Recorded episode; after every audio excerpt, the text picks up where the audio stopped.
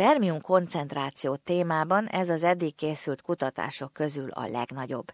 Jeruzsálemben, a Héber Egyetemen 1973 és 2000 között 43 ezer ausztrál, új-zélandi, európai és észak-amerikai férfiaktól levett mintákat tanulmányozták a kutatók. Úgy találták, hogy az elmúlt 40 év alatt a sperma koncentráció évente 1,4%-kal csökken. Az IVF Ausztrália szervezettől Michael Chapman azonban azt mondja, nem látja annak okát, hogy aggódnunk kellene emiatt. I think there are some reservations about the study that we've seen.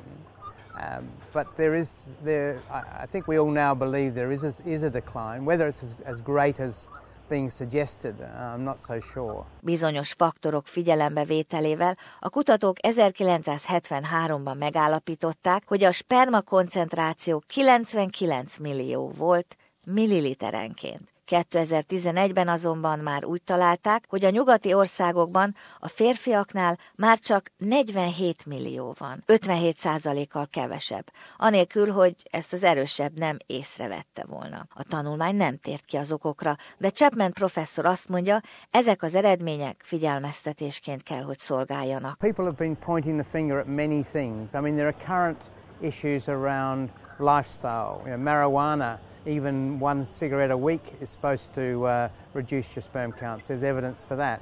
Uh, alcohol in excess, uh, cigarettes, obesity uh, have all contributed modern, you know, modern day uh, changes in lifestyle. Chapman professzor hozzáteszi, egyéb egészségügyi tényezők is hozzájárulhatnak a spermaszámok alakulásához. Certainly recent research is pointing back to a basic problem in, in the sperm production line dating from the time that the boys are inside their mother's womb. And it may be maternal factors influencing the production line uh, or the deficiencies in the production line even as early as 20 weeks of a normal pregnancy. Dél-Amerikában, Ázsiában és Afrikában nem figyeltek meg ilyen jelentős csökkenést, igaz, ezekben a régiókban nem készült olyan sok kutatás.